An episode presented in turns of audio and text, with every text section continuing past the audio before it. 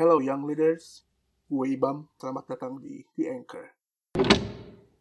Udah ada teman gue di ujung telepon sana, dia seorang PNS, Kementerian Perhubungan, dan juga seorang entrepreneur, nggak tanggung-tanggung usahanya, founder dari salah satu marketplace yang ada di Indonesia.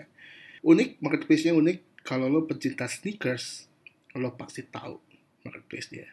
Dadit Eko Priadi, apa kabar Dadit?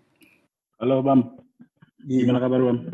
Kabar baik, Alhamdulillah. Ente batuk? Enggak Bam, lagi ditahan. Nahan batuk. Dit, BIM.id, Specialized Marketplace. Boleh dijelasin nggak Specialized Marketplace? Emang uh, Specialized Marketplace itu uh, baru satu dua tahun ini marak uh, worldwide ya, uh, di mana marketplace itu cuma menjual barang-barang tertentu aja yang uh, menurut mereka mempunyai daya jual yang cukup baik gitu. Jadi uh, ada segi kreditnya, terus kemudian ada segi uh, penilaian kualitasnya, hmm. gitu. Dan lo memulainya dari sneakers? Iya, dan nggak menutup kemungkinan untuk ada produk-produk lainnya ke depan gitu yang memang uh, cukup berhubungan dengan dunia itu gitu. Oke, jadi kalau ngomongin ke depannya nggak akan stop sampai di sneakers aja. Speaking of the future, um, situasi hari ini nih bukan situasi yang ideal untuk dunia usaha.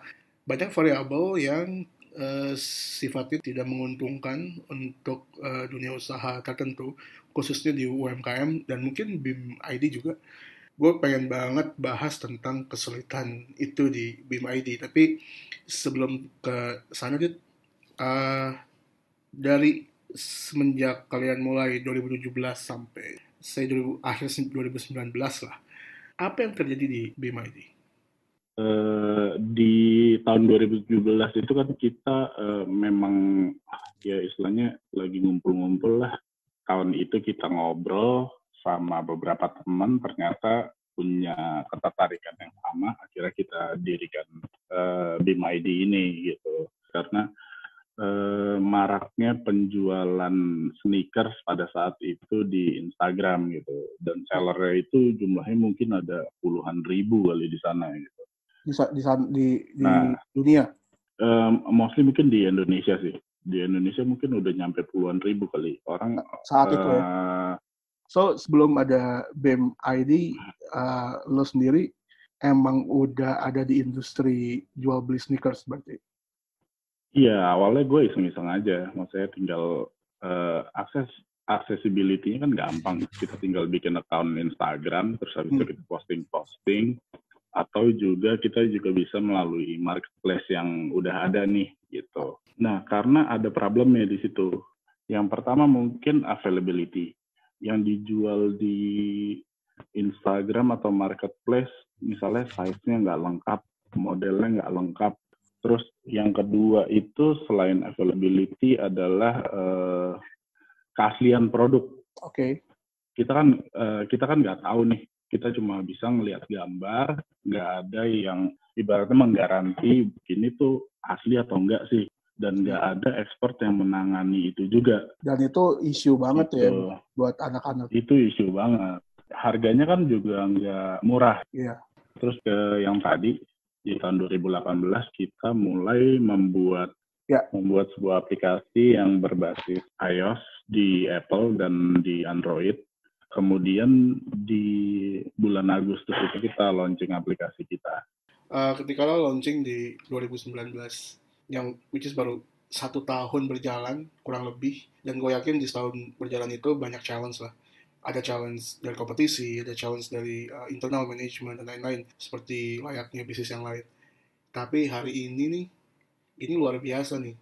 Yang kita hadapin sekarang nih, uh, it's beyond uh, krisis di zaman dulu. Itu nggak tahu kalau gue pribadi, gue nggak begitu merasakan sebagai uh, pelaku industri karena dulu gue masih sekolah. Nah sekarang mungkin pertama kalinya gue ngerasain hal itu. Lo ngelihat dunia hari ini gimana, Dit? nightmare sih. Serem, ya, ini uh, maksudnya ya buat uh, secara personal aja nightmare gimana secara bisnis gitu. Hmm. Secara personal kan memang uh, menyerang kesehatan lah istilahnya. Kalau secara bisnis, ya udah jelas uh, dengan kondisi seperti sekarang orang takut untuk keluar rumah, terus kemudian uh, takut untuk mengeluarkan uang untuk membeli sesuatu yang untuk saat ini belum dianggap yeah. primary gitu. Ya, bukan prioritasnya nah, gitu kan. Iya, bu bukan prioritas gitu. Sekarang-sekarang ini kan uh, orang pasti mengeluarkan uang untuk beli bahan makanan, terus kemudian beli yeah. peralatan untuk Iya, survival survival kit gitu ya istilahnya hmm. kan. Ya kayak gitu-gitu. Paling sih cuma itu eh, yang dikeluarkan uh, oleh orang-orang saat ini gitu. Dan uh, untuk kita sih itu cukup berat. Tapi kan gitu, un karena untungnya juga kan uh, Bima itu kan platform digital kan, tidak nah tidak ketemu fisik beda sama kayak misalkan hmm. restoran atau uh, ya retail katakanlah retail konvensional tapi yeah. juga sebenarnya mau yang gue mau, mau tanya kayak supply chain segala macam karena kan lo tahu isunya sepatunya dari luar negeri impor dolar naik terus hmm. juga banyak banget variabelnya yang yang menurut hmm. gue kalau nggak tahu nih gue orang awam menurut gue mungkin bikin sakit kepala gitu dan uh, lo ngelihat sekarang perubahannya segitu besarnya nggak untuk di BIM ID sendiri? Uh, kalau perubahannya sih memang uh, cukup besar ya buat kita, uh, apalagi terkait supply. Hmm. Sebenarnya uh, kalau gue lihat untuk ke depannya, kalau misalnya memang kita masih ada di masa-masa seperti ini dalam waktu satu sampai satu setengah tahun, sebenarnya kita bisa memanfaatkan situasi ini, di mana kita yang sedang mencari, ibaratnya mencari traffic lah gitu, karena kita juga baru meluncurkan platform itu belum belum lebih dari satu tahun. Ya, Jadi ya. memang fokusnya fokusnya masih mencari traffic.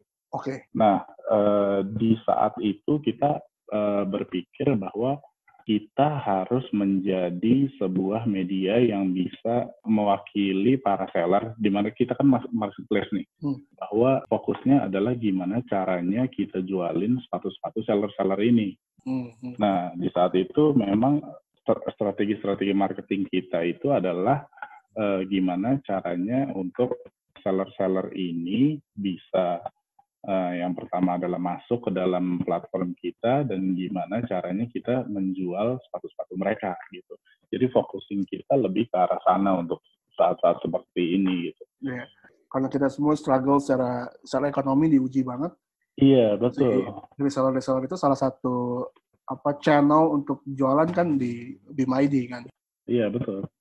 Hmm. Setidaknya hmm. BIM bisa jadi solusi uh, ekonomi untuk para reseller. Iya betul.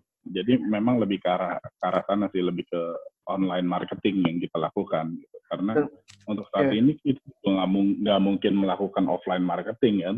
Ya, ya. Gitu. Dan lucu ya ketika gue ingat tuh zaman dulu kita krisis uh, tahun 98 hmm. ya. Ada orang-orang yang yang di saat itu mungkin sangat jeli untuk bisa melihat kayak bukan cuma opportunity, tapi juga karena hmm. berpikir positif ya mungkin setahun dua tahun lagi keadaannya membaik terus bisa menjadi sesuatu hmm.